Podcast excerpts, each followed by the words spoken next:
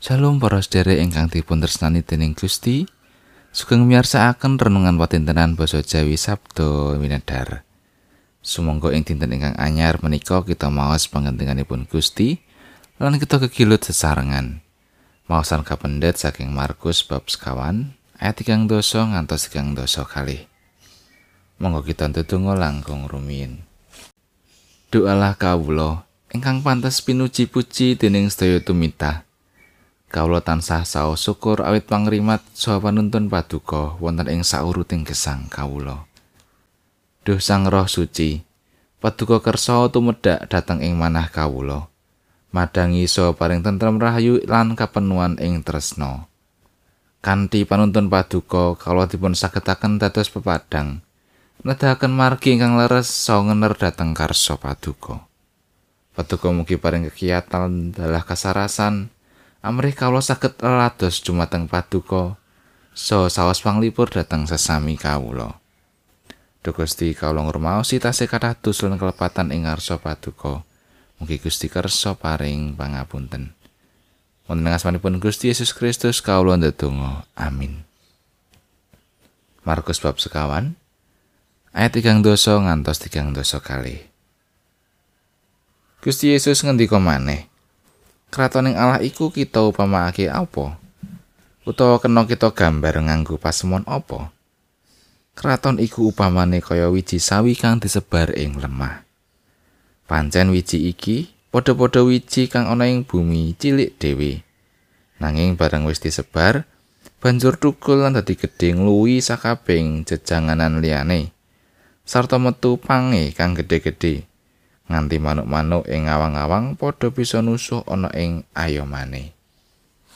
Pangkatan-pangkatanipun Gusti ayat na saking ayat yang dosa kalih. Menawa ditandur nuli tukul lan dadi gedhe, ngungkuli tanduran-tanduran jejanganan liyane. Para sederek dinten menika kita mengeti dinten buruh internasional. Miturut seratan ing Wikipedia, ing Indonesia buruh menika nggadahi konotasi pekerja kasar. Rendahan lan hina. Lan ingkang kasebat tenaga kerja ugi karyawan menika derajatipun langkung inggil tinimbang buruh. Pemanggih menika boten perlu kita sarwi. Malah kanthi pemanggih menika kita badhe sinau ing bab nglampahi perkawis ingkang sanadyan alit nanging dayani. Sinau saha para berah menika asring kaanggep asor, ananging saestu pakaryanipun migunani lan dipun betahaken ing gesang menika. Mila saking menika sampun samesinipun kita sami ngaturaken panuwun dhateng para brah. Keng menapa? Awit padamelan ingkang kasaran ketinggal asor, menika mboten sedaya tiyang purun ngayahi. Kamangka saya menapa mbotenipun kasil produk pabrik utawi perusahaan menika gumantung saking kualitas padamelanipun para buruh. Perusahaan utawi pabrik badhe kapitunan. Malah saged bangkrut menawi para buruh kagol lan mutung boten purun nyambut damel.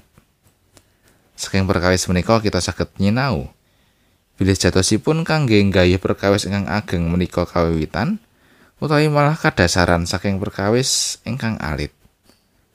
Kalebet nalika kita mirembak bab kratoning swarga. Swasana ingkang miturut tiang umumipun kasebat swasana ingkang adi, boten ginayuh. Tiang asring menggalih perkawis-perkawis ingkang ageng ndaki-ndaki nalika mirembak bab swasana swarga. Kamangka swasana sarga niku saged karaosaken saking perkawis-perkawis ingkang prasaja.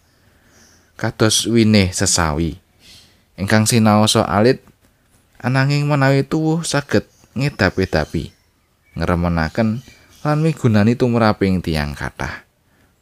Sumangga sami nglampahi perkawis ingkang alit prasaja nanging kasilipun amberkahi tiyang sanes. Amin.